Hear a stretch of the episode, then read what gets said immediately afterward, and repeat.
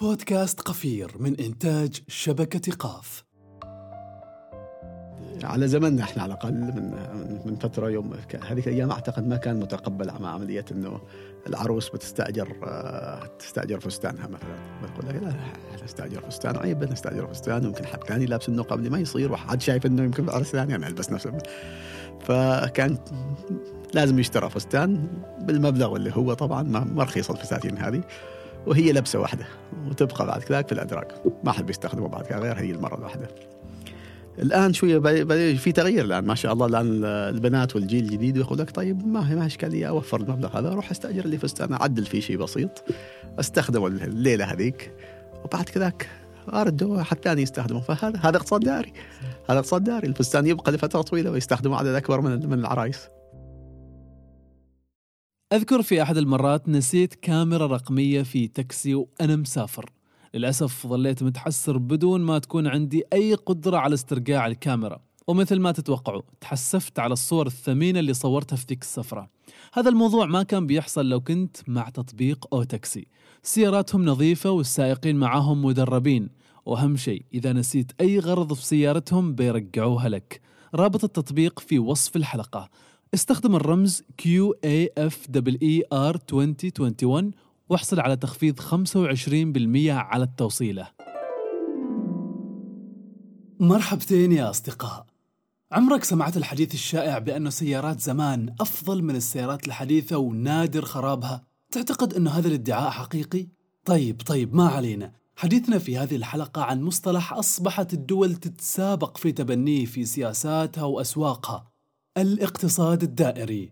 لما نتحدث مع محمد الحارثي نائب الرئيس التنفيذي للتطوير الاستراتيجي في شركة بيئة.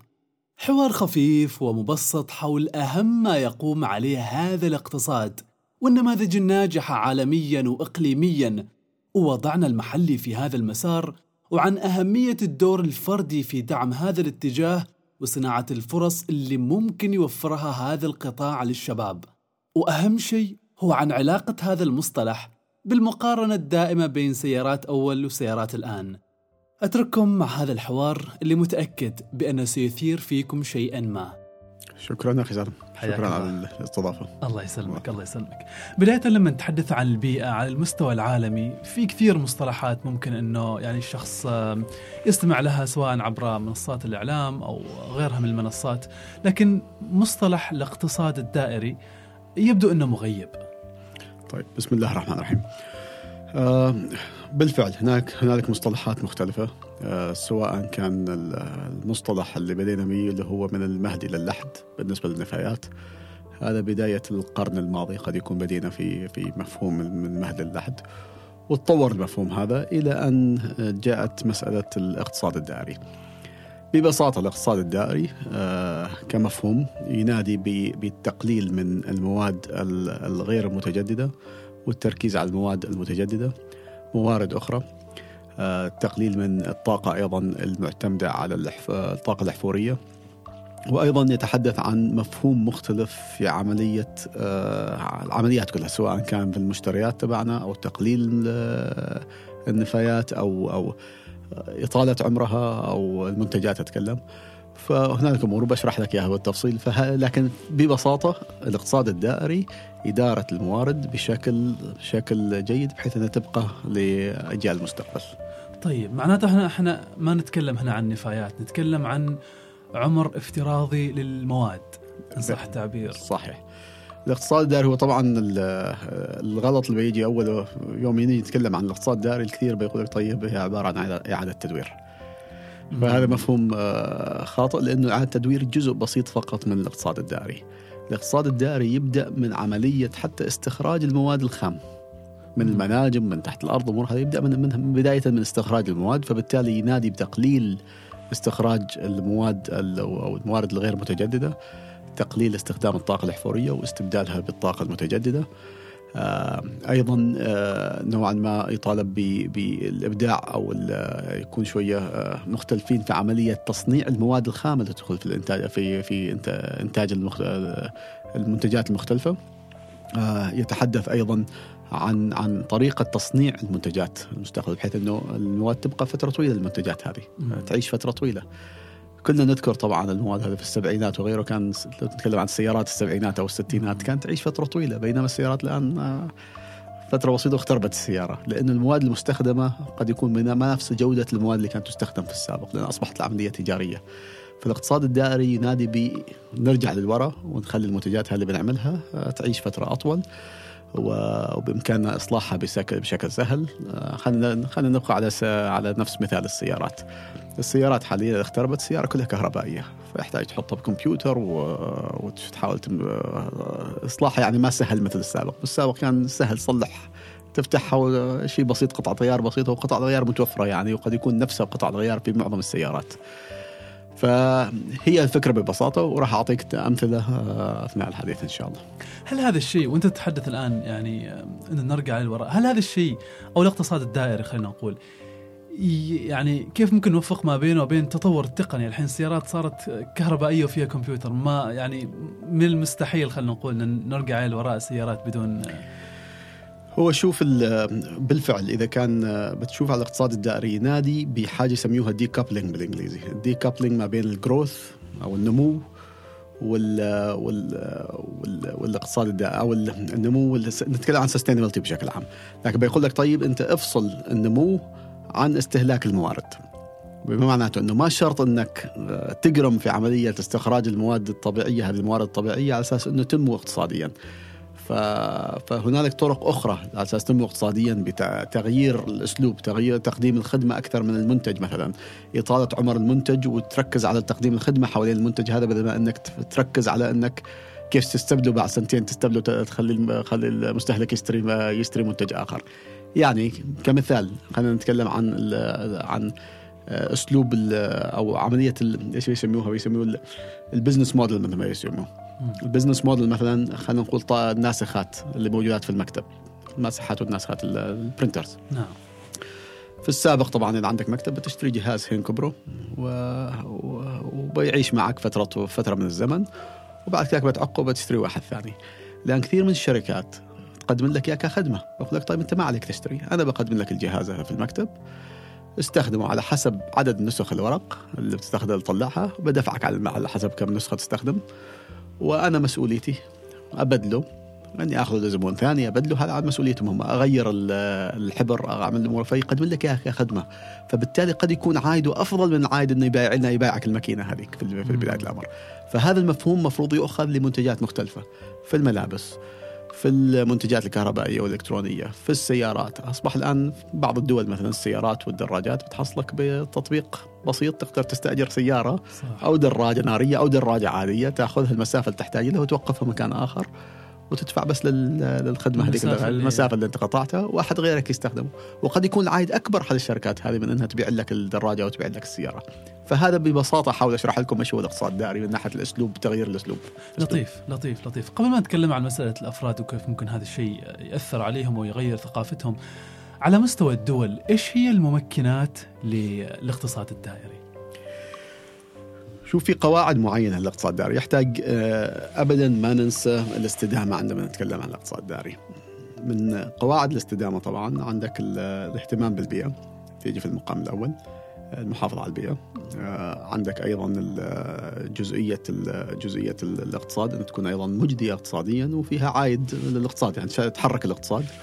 وأيضا متقبلة اجتماعيا والناس ممكن أن أيضا يكونوا جزء من المنظومة هذه. آه هذا ببساطة طبعا آه, آه، أرجو الثلاثة للسستينابيلتي أو الاستدامة. الآن يعني خليني أعطيك مثال. أنا عندي أنا الآن كمية من المخلفات اللي تطلع من آه، من مثلا عندي مصنع وعندي أقول خردة حديد تطلع من المصنع هذا. هل يعقل أني أخذ هذه الخردة أضرب فيها كيلومترات مئات الكيلومترات لمنطقة أخرى على أساس أعالجها في المنطقة البعيدة بينما أني عندي فرصة أني أستفيد منها داخل البلد؟ إذا عندي مصنع داخل عمان يقدر يستفيد منها وما أقطع المسافات هذه. بقطع المسافات هذه معناته أنت عندك نقل وعندك أيضا انبعاثات من من الشاحنات وغيرها. فهذه الأمور البسيطة تعمل فرق آه، في في آه، كممكنات للاقتصاد الدائري عندك إذا باغيين نحفز الشركات والمؤسسات الصغيره والمتوسطه انهم يدخلوا في المجال هذا المجال الأخضر أو الاقتصاد الدائري يحتاج يكون أيضا في اللي نسميه إحنا التمويل الأخضر. تمويل يشجع الاستثمارات في المجال الأخضر أو في الاقتصاد الدائري ويكون بقروض ميسرة مثلا أو بنوع من المحفزات من من الحكومة تعطي للشركات هذه تقوم بالدور هذا. المنظومة أيضا يحتاج تتغير، يعني مثلا أيضا نحتاج نشجع اللي نسميه إحنا اللوجستيات العكسية، اللوجستيات العكسية يعني أنا مثلا إذا ما عندي اللوجستيات هذه إنها تنقل النفايات أو المخلفات وتشيلها للمرافق المختلفة لمعالجتها وفيما بعد معالجتها بشكل ثانوي لإنتاج منتجات مختلفة. فمن الصعب إنك تقوم بالعملية هذه. وهذه فرصة كبيرة للشباب العماني إنهم يقوموا بعملية اللوجستيات العكسية نقل المخلفات هذه من مكان لآخر. الأهم من هذا كله عملية الأطر التنظيمية، الاطر التشريعية اولا قبل التنظيمية، سياسات واضحة. والآن عندنا ما شاء الله رؤية عمان 2040 تنادي بالاقتصاد الأخضر أو الاقتصاد الدائري. فبالتالي عندنا كنواه موجودة في في رؤية 2040 تبقى الآن السياسات واضحة في توجهنا للاقتصاد الدائري التشريعات قوية وممكنة وبعد كذا تيجي عمليات الأطر التنظيمية للعملية هذه بشكل عام. فهذه من الممكنات اللي بتساعد على أساس لطيف نوصل لطيف. للخطوة القادمة للاقتصاد الدائري نظريا هذا الكلام واضح ومنطقي وواقعي لكن يعني على على على أرض الواقع على مستوى الدول هل هناك تحديات سياسية تواجه تطبيق الاقتصاد الأخضر على أرض الواقع يعني؟ طبيعي هو شوف لو تنظر من منطقة لأخرى تحديات شوية مختلفة تحديات مثلا الاتحاد الأوروبي اللي هي طبعا المنطقة منطقة الاتحاد الأوروبي قد يكون من دول من المناطق أو من الدول المتقدمة في عمليه الاقتصاد الدائري. مع ذلك تواجههم تحديات بإقناع أصحاب القرار بالجدوى الاقتصادية للتحول للاقتصاد الدائري طبعا. ف فعملية تغيير الفكر بأنه الاقتصاد الدائري هو المستقبل والاقتصاد الدائري ما راح يأثر على النمو وتكلمنا عن النمو. يحتاج ما نفصل يحتاج نفصل استخدام الموارد من نمو الدول. فبالتالي هذا هذا التحدي اللي يواجههم. تحدي نحن شوي مختلف في المنطقة هنا. ما زلنا ما عندنا القاعدة التشريعات الواضحة اللي تساعدنا في توجه الاقتصاد الدائري حتى بأبسط أبسط صور الاقتصاد الدائري فإحنا ما زلنا في بداية المشوار عندما نتكلم عن المنطقة كمنطقة الشرق الأوسط بشكل عام. لما نتكلم عن المراحل داخل الاقتصاد الاقتصاد الدائري عن إيش نتكلم؟ طيب خلينا نمسكها مرحلة مرحلة. أنا ذكرتها في في بداية الحديث لكن نمسكها مرحلة. أولا الاقتصاد الدائري ينظر للمواد يقسمها كقسمين. مواد تقنية يسميها ومواد أو فنية ومواد عضوية. المواد التقنية اللي هي معظم المنتجات اللي نشوفها من أجهزتنا الإلكترونية من الأثاث من هذا كل المواد هذه تعتبر تقنية. العضوية اللي هي طبعا الطعام المنتجات اللي طالعة من من النباتات مثلا القطن مثلا الحرير فهذه كلها تعتبر عضوية. عضوية. الآن مراحل تصنيع أي منتج من المنتجات سواء كان تقني أو أو أو عضوي يمر بنفس المراحل. بداية من استخراج المواد الخام. فمثلا إذا عندك أنت خلينا نتحدث مثلا عن الإلكترونيات. الإلكترونيات إيش بتحتاج لك؟ بتحتاج لك بلاستيك، البلاستيك يحتاج تستخرج النفط، والنفط بعد تكرره. وبتنتج المواد الأولية الحبيبات تبع البلاستيك. وفيما بعد البلاستيك بتصنعه على شكل قطع غيار. وقطع الغيار تركب في المنتج. النهائي. قطعة خلينا نتكلم عن كمبيوتر مثلا هالكمبيوتر أمامنا. فأنت مريت بالمراحل المختلفة هذه عشان تصنع قطعة البلاستيك الموجودة في الكمبيوتر. نفس الشيء بالمعدن راح تستخرج المعادن وراح تشكلها و... و... وتمر في مراحل معينة إلى أن ينتهي بالشكل اللي تشوفه أنت. وهكذا من المعادن المثينة الثمينة المعادن المختلفة البلاستيك وغيره. فهذه المراحل المختلفة فيما بعد هذا عندك منتج جاهز يروح للمستهلك. هذه المرحلة جديدة المستهلك البيع تبيع الآن بالشكل التقليدي بتبيعه مثل ما هو خلاص يملكه المستهلك يستخدمه لمدة من الزمن وبعد كذاك إذا كان ما اقتصاد دائري اقتصاد خطي بيعقه وبينتهي في المرادم. طيب اقتصاد دائري لا اقتصاد دائري يقول طيب استخدمه أطول بيعيش معك فترة طويلة لأنه أصلا مصنوع بشكل أنه يعيش معك فترة طويلة. إذا اخترب بسهوله توديه تصلحه تغير قطعة غيار بسهوله ما, ما عندك صعوبة تغير قطع الغيار الان لو أروح أشيل تليفوني الان أقول له الشاشة انكسرت ويقول لك طيب بنبيعك واحد ثاني. ما يقدر يصلح الشاشة. مم. طيب. فالفكرة لا يتصلح بسهوله أقدر استخدمه مرة ثانية مرة ثالثة. بس منه جاي موديل جديد يرجع مرة ثانية للسوق ينباع لشخص آخر أو يؤجر لشخص آخر. فهذه reuse مثل ما بيقولوا إعادة استخدام. طيب. ويمشي بالشكل هذا الدائرة تمشي تمشي في أطول مدة ممكنة. يوم خلاص عمره خلاص ما ما منه فائده عاد. بسهولة أوديه لمرفق لإعادة تدوير. وفك القطعة هذه بسهولة أقدر أفك القطعة أفصل البلاستيك أفصل المعادن يعني ما ما لو تروح لمرافق إعادة تدوير الآن بتشوف عملية آه، عملية آه، عملية كسر وفرز وعملية يعني مزعجة. عشان تفصل البلاستيك من غيره يعني مكلفة كثير. لأنه ما بالسهل إنك إنك تفكك القطع هذه بسهولة فمكلفة كثير. فأسهل شيء يعقوا مثل ما هو. يكسروه قطع صغيرة ويفرزوه فيما بعد. الاقتصاد الدائري يقول لك لا بسهوله أقدر افصله والمواد هذه عاد تروح ل ل مره ثانية ترجع كموارد آه، تدخل في صناعة منتجات أخرى. فهذه هي الدوائر اللي نتكلم عنها. بالنسبة للعضوية شوية مختلفة، العضوية مثلا أعطيك مثال. أنا دائما أعطي مثال مثلا بالعضوية الملابس، قول أنا عندي دشداشة قطن. هذه دشداشه قطن لابسنها. طيب بستخدمها لفترة من الزمن. بس منها. بعطيها أخوي الصغير. مثلا إحنا صغار كان لابس زين طيب أخوي الصغير بيستخدمها عني أو إني أتبرع بها. طيب بيستخدمها شخص آخر. فهذا ما زالت دائره بعد المنتج نفسه ما تغير لكن جالس يدور يستخدمون المستهلك ما زال. المستخدم يستخدم أو المستهلك تدخل المستهلك فيما بعد يوم خلاص دشداشه ما منها فائده أقدر إني أخذها و... واقطع له قطع قماش و... أو فابريك يسميه ويدخل في في عملية مثلا آه، عملية الأثاث داخل الأثاث يستخدموه داخل الأثاث على أساس يكون بطانة في الأثاث أو شو يسميه الحشو مال الأثاث. نعم. يوم يخلص عمر الحشو بيدخل في اللي نسميه إحنا العازل هذا من الملابس مال المباني. عازل المباني. يوم يخلص خلاص ممكن أدخله في عملية استخراج الط... استخراج الغاز غاز الميثين منه. فعندك يدخل في عملية الغاز الحيوي. فتشوف الدائرة نفس الدائرة لكن بشكل شوية مختلف لكن نفس الدائرة يرجع ويرجع ويرجع ويوم خلاص ما يبقى ما يبقى منه شيء خلاص استخدمته كغاز أو إنه يرجع أيضا كسماد يدخل مرة ثانية يرجع للمنظومة مرة ثانية كسماد في الأرض يرجع مرة ثانية. جميل فهذه فكرة ببساطة احاول أوصل لك إياها كمثال. جميل جميل جميل جميل جميل. كم مرة صارت معاك إنك حطيت سيارتك في الصيانة ورسلت للشباب حد فاضي رجعني البيت طبعا انتظر لين يردوا عليك هذا إذا ردوا. وانتظر مرة إذا كنت محظوظ واحد منهم كان قريب. ليش تحط نفسك في هذا الموقف؟ اطلب توصيلة من تطبيق أو تاكسي وما بيقصروا معك. حمل التطبيق واحصل على تخفيض 25% إذا استخدمت كود الخصم الخاص ببودكاست قفير. Q A F E R 2021 تحدثت عن عمان. كيف وضعنا في عمان بشكل عام فيما يتعلق بالاقتصاد الدائري؟ شوف هو في شيء يرتبط بالاستهلاك مع البشر كلهم عمان أو غير عمان. الدخل آه له دخل الدخل يساعد في في زيادة آه كمية النفايات المنتجة من الفرد، الآن إحنا نتكلم عن 1.2 كيلو جرام للفرد في عمان، 1.2 كيلو جرام للشخص في اليوم. هذه كمية الإنتاج النفايات معنا.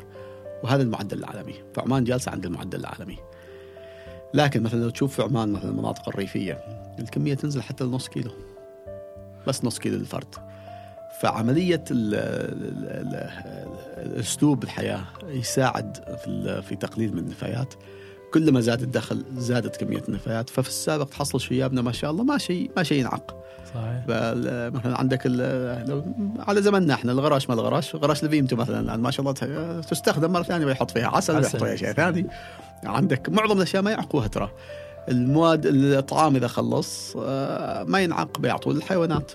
طيب ذاك طعام. فالاقتصاد الدائري إذا بتسألني هل موجود في المنطقة موجود من قديم الزمن الاقتصاد الدائري النخله ما كان يبقى منها شيء. تستفاد يستفاد من النخله بكاملها. هذا اقتصاد دائري على فكرة. صحيح. هو الاقتصاد الدائري لكن تغير الزمن الآن. فإحنا الآن رجعنا للخلف. أصبحت بعض الدول قد يكون تقدمتنا في المسألة هذه لعدم وجود الممكنات اللي تكلمنا عنها في السابق. فأعتقد الان الأوان حاليا إنه نحط السياسات اللي عندك أهداف واضحة فيها. عندنا وين بتوصل سياسات واضحة للدولة طبعا. فيما بعد عندك أهداف واضحة. وين باغي نكون مع 2030 وين باغي نكون 2040 التشريعات تكون واضحة. والمحفزات تكون موجودة. والتنظيم يكون واضح وأيضا مطبق بشكل كامل.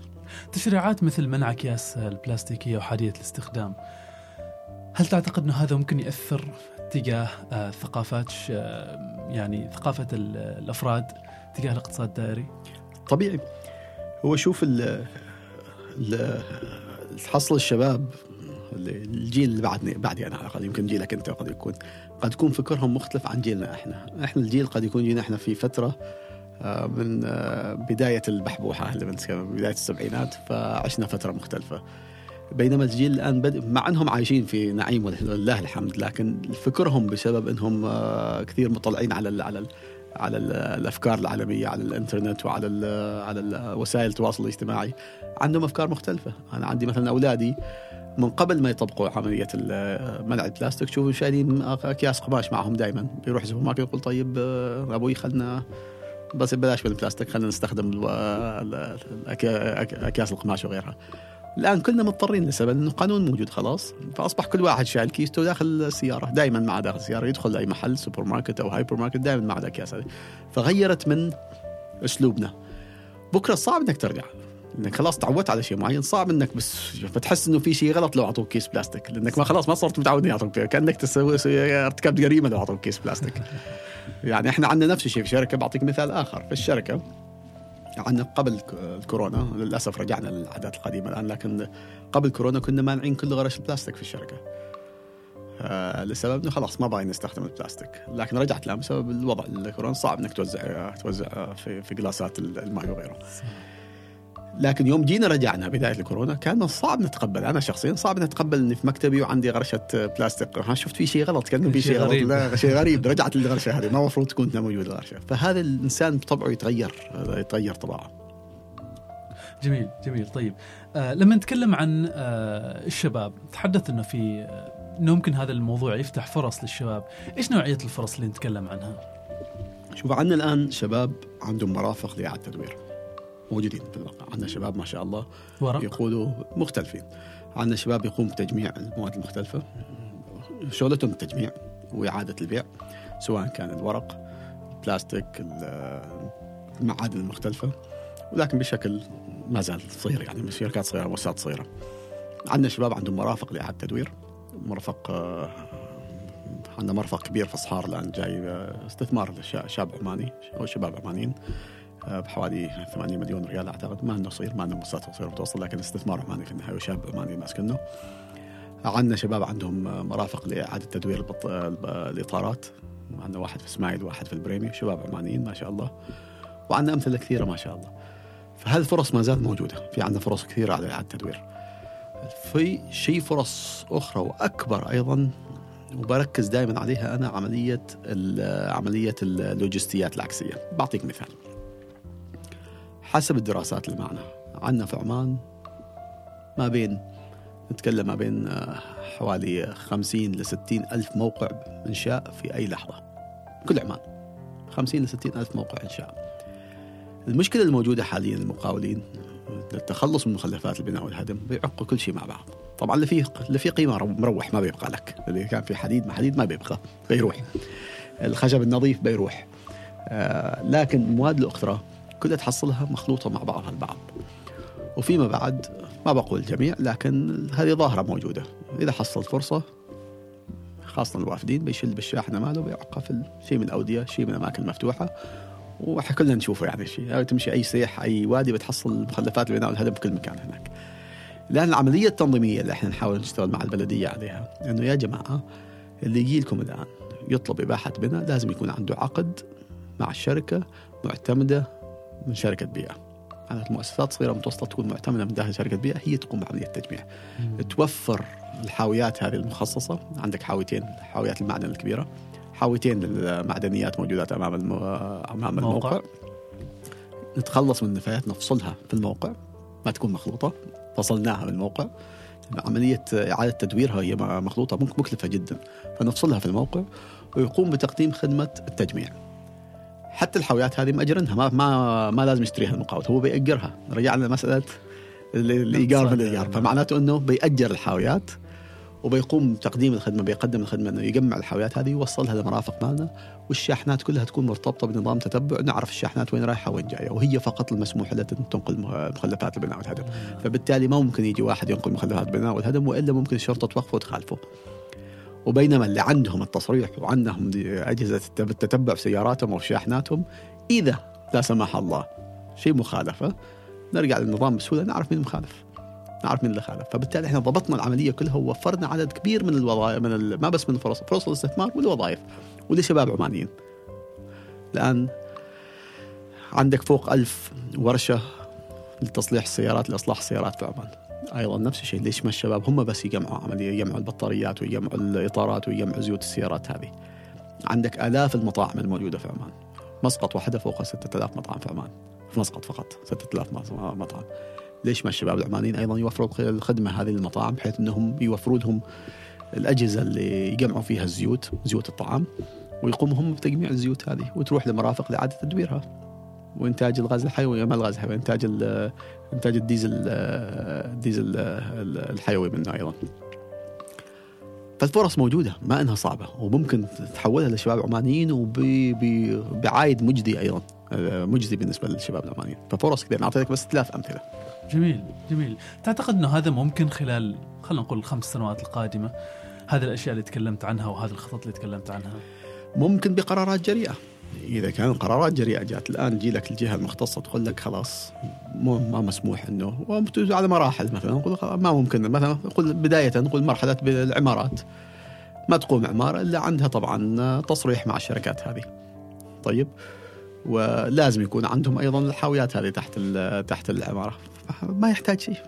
بين يوم وليلة أعتقد عندك القرار هذا ولا خلاص يعني ما تقدر تطبقه لأنه أصلا العملية غلط. عملية التخلص من المخلفات البناء والهدم خطأ. وتسبب مشاكل وتكلفنا تكلف ملايين الريالات تكلف الدولة. في النهاية مين بينظف الأودية والاماكن المفتوحة؟ كلها في النهاية الحكومة بتنظفها. ففي ملايين الريالات تهدر على المسألة هذه. فيحتاج قرار جريء فقط. ما أعتقد تاخذ شيء فقط قرارات جريئة ولكنها كلها تطبق.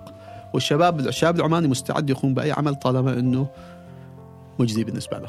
في نهاية الأمر يحس إنه بالفعل تعب على شيء في عائد يعني لا بأس فيه. جميل جميل. هذا على مستوى المؤسسات. إذا بنتكلم على مستوى الأفراد كيف ممكن الفرد واحد منا يكون خطوة إلى الأمام في الاقتصاد الدائري؟ عاداتنا. يعني خلينا نغير من عاداتنا الاستهلاكية في المقام الأول. آه، إحنا في في في رمضان كان عندنا حملة آه، للتقليل من استخدام أو من شراء الأطعمة بشكل عام. قد يكون طلعت على الحملة هذا حبوخة ولا انتشرت في عمان كلها ما شاء الله فكان الهدف إيش؟ تقليل تقليل آه، مخلفات الطعام في النهاية. فبالتالي حملة كانت قوية وما شاء الله وصلت لدرجة سمعنا إنه بعض بعض الناس قاموا يهددوا بحب خوله بإنه في, في, في كل عمليات العادات فيقول لك إذا ما سويت ترى بنادي لك حب خوله ترى بتجي لك حب خوله. فهذه هذه هذا شيء واحد نغير من عاداتنا الاستهلاكية اللي ما نحتاج له ليش؟ طيب نستهلكه بزيادة عن اللزوم. آه، عملية التخلص بشكل سليم يعني الآن آه، الآن إحنا جالسين نوفر أجهزة مثلا لاستقبال غرش البلاستيك. ال PET تسمى هذا غرش الماي هذه. بتكون منتشرة في مسقط كلها وبننشرها في عمان في عمان قريب إن شاء الله. من أيضا المفروض نغيره أسلوبنا بأنه الغرش هذه نجمعها وتروح الأجهزة هذه. وفي فائده على فكرة ممكن يكون لنا أيضا نوع من العائد من من الأجهزة هذه سواء كان نقاط لتعبئة التلفونات رصيد أو إنه أحصل تخفيض مكان مختلف. فايضا ممكن يكون عائد فكل الأشياء هذه البسيطه تعمل فرق. هي أسلوب أسلوب. وبعدين ليش أشتري كل شيء؟ إذا كان إذا كان كلنا بنغير من نغير من أسلوبنا إني أستأجر بدل ما ما أشتري إذا كان متوفر طبعا. هذا بيغير. غير من من من وبنتحول للاقتصاد الداري. فهي الأشياء الصغيرة هي اللي تعمل فرق جميل جميل جميل. كنت تكلمت المرة الماضية وإحنا نتكلم عن عن الفساتين مسألة الفساتين. زي الفساتين طيب. الفساتين طيب دائما أعطي الفساتين كمثال. على زمننا إحنا على الأقل من من فترة يوم هذيك الأيام أعتقد ما كان متقبل مع عملية إنه العروس بتستأجر تستأجر فستانها مثلا. بقول لك لا نستاجر فستان؟ عيب نستأجر فستان. ويمكن حد ثاني لابس انه قبل ما يصير وحد شايف إنه يمكن العرس ثاني أنا ألبس نفسه. فكان لازم يشترى فستان بالمبلغ اللي هو طبعا ما رخيص الفساتين هذه. وهي لبسة واحدة وتبقى بعد كذاك في الأدراج. ما حد بيستخدمه بعد كذا غير هي المرة الواحدة. الآن شوية في تغيير الآن ما شاء الله الآن البنات والجيل الجديد يقول لك طيب ما هي ما إشكالية أوفر المبلغ هذا أروح أستأجر لي فستان أعدل فيه شيء بسيط استخدمه الليلة هذيك وبعد كذاك أردوا حد ثاني يستخدمه فهذا هذا اقتصاد داري. صح. هذا اقتصاد داري الفستان يبقى لفترة طويلة ويستخدمه عدد أكبر من من العرايس. فهذا كمثال أعطيه خاصة الأخوات بعطيهم مثال هذا. لا مثال قريب مثال قريب مثال قريب واضح جدا وحتى الشباب على فكرة الان بعض الشباب أيضا يستأجروا ملابس العرس صح أو يستأجروا حتى ما بقول المصر لكن يستخدموا الخناجر وال والسيوف ويمكن بعض صح. الأمور اللي يحتاجوا لها في العرس طبعا. صح صح صح صدقت صدقت. طيب لما نتكلم عن أمثلة على مستوى العالم كنماذج في في الاقتصاد الدائري نتكلم عن أي إيش من الدول؟ الدول تختلف من دولة لدولة تركيز الدول لأنه التشريعات وجهت الدول شو التشريعات في النهاية أدوات على أساس توجهك في اتجاه ألف ولا اتجاه باء ولا اتجاه سين على حسب ما وين توجه الدولة كسياسة معظم الدول دول الاتحاد الأوروبي تركيزها على على هرم إدارة النفايات نسميه إحنا، الهرم يركز في المقام الأول من تقليل من النفايات.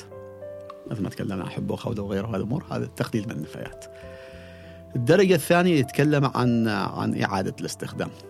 انك عيد استخدامه وشي مراكز موجودة تستقبل المواد أو المنتجات المختلفة وينعاد استخدامها سواء ملابس أثاث وامور مختلفة ترجع وترجع مرة ثانية ويستخدموها مرة ثانية وثالثة ورابعة. في الدرجة الثالثة يجي تجي إعادة تدوير وركز معي هنا إعادة التدوير بالنسبة لهم أهم من اللي بيجي تحتها. إعادة تدوير مهم وإعادة تدوير معناته إنه بمر في وبصرف. وفي طبعا هم يفرضوا رسوم ما تيجي ببلاش تراها. يفرضوا رسوم يفرضوا ضرائب ففي النهاية المستهلك هو اللي بيدفع ما من ما من جيب الدولة يعني. فبيفرضوا عملية إعادة تدوير وبيفصلوا البلاستيك بيفصلوا الزقاق بألوانه بيفصلوا لك الورق بيفصلوا أنواع وأشكال. وبتمر وصارت صناعة كبيرة أيضا في أوروبا عملية إعادة تدوير. لكن تجي بثمن ما رخيصة وفيما بعد تيجي عملية آه، استخراج الطاقة الكامنة واللي هي إنتاج الطاقة من النفايات. وآخر شيء تجي لك يجي لك الردم. الردم طبعا حتى الردم يجي درجات. في ردم بالمرادم هندسية آه، لائقة بيئيا وفي مرادم الطمر هذه طبعا مرفوضة تماما في أوروبا ما عندك عملية الطمر في أوروبا. فبالتالي تلاحظ التشريعات مركبة على حل الهرم هذا مرتب على حل الهرم فتركز على الأمور اللي فوق أكثر من الأمور اللي تحت. فبالتالي تحصل الكثير من الصرفية على على عملية إعادة تدوير بمبالغ طائله بينما لو تشوف مثلا بعض الدول الإسكندنافية اللي هي ما من جزء من الاتحاد الأوروبي خاصة تحصل ما عندهم مشكلة إنهم بنوا الطاقة الاستيعابية لإنتاج الطاقة من النفايات قبل حتى اعاده التدوير موجود لكن مركزين كثير أيضا على على إنتاج الطاقة من النفايات. فبالتالي شوية مختلفة. هي كلها كلها اقتصاد داري لكن التوجه التوجه مختلف من دولة لدولة. عندنا في عمان أيضا ما باغي نكثر من المصاريف اللي معنا فبالتالي إحنا عندنا تركيزنا الآن في المستقبل القريب الآن إنه يكون عندنا إنتاج الطاقه من النفايات وشغالين على عدد المشاريع ويكون عندنا إنتاج الطاقه من النفايات إن شاء الله والجزء الأكبر من النفايات هذا على الأقل النفايات البلدية بتروح في عام في مرافق إعادة إنتاج الطاقه من النفايات. جميل جميل. في الوطن العربي هل هناك أمثلة واعدة؟ شيء أمثلة. آه شيء مرافق هنا وهناك لكن كمنظومة متكاملة لحد الآن طبعا آه، شوية ما وصلنا للمراحل اللي وصلتها بعض الدول المتقدمة في إدارة النفايات مثل أوروبا أو مثل دول مثل سنغافورة اليابان أو تايوان بعض الدول الآسيوية أيضا متقدمة في المسألة هذه وأستراليا ونيوزيلندا. لكن عندنا أمثلة جيدة في أشياء معينة. مثلا آه، إمارة الشارقة ما شاء الله جيدين في إعادة تدوير آه، إعادة تدوير المخلفات المختلفة فقاطعين شوط آه، قطر عندهم المرفق الوحيد لإنتاج الطاقه من النفايات صار له فترة. الآن جاية مرافق أخرى في دبي في الكويت في الشارقه أيضا وإحنا أيضا شغالين على إنتاج الطاقه من النفايات. لكن كنظام متكامل يعالج العملية هذه كلها ما زلنا الآن ماشيين في الاتجاه ذاك. إحنا عندنا ما شاء الله آه، في عمان آه، ولله الحمد عندنا منظومة متكاملة حاليا من البنية الأساسية موجودة متكاملة. آه، وعندنا خطة واضحة أن نتحول للاقتصاد الدائري بقت بس عملية التشريعات والسياسات الواضحة بحيث أنه ناخذ الخطوة القادمة القفزة الكبيرة اللي نتمناها. بنشوف أثارها على 2025 و2030 إن شاء الله. إن شاء الله إن شاء الله إن شاء الله إن شاء الله. يعطيك العافية. شكرا ما قصرت. ما أدري إذا عندك آه، حاجة أخيرة حاب تختم فيها هذا الحوار. الله يعطيكم العافية وشكرا على اسمحوا لي على الإطالة أول شيء وشكرا على الاستضافة وشرفنا الله يخليك الله يخليك. مشكور الله يخليك. انتظرونا في الحلقة المقبلة مع ملهم آخر في حوار جديد وموضوع مختلف. لطفا وكرما. لا تنسوا تحطوا تقييمكم على اي تيونز وتشاركوا الحلقة مع من تحبون. إلى اللقاء.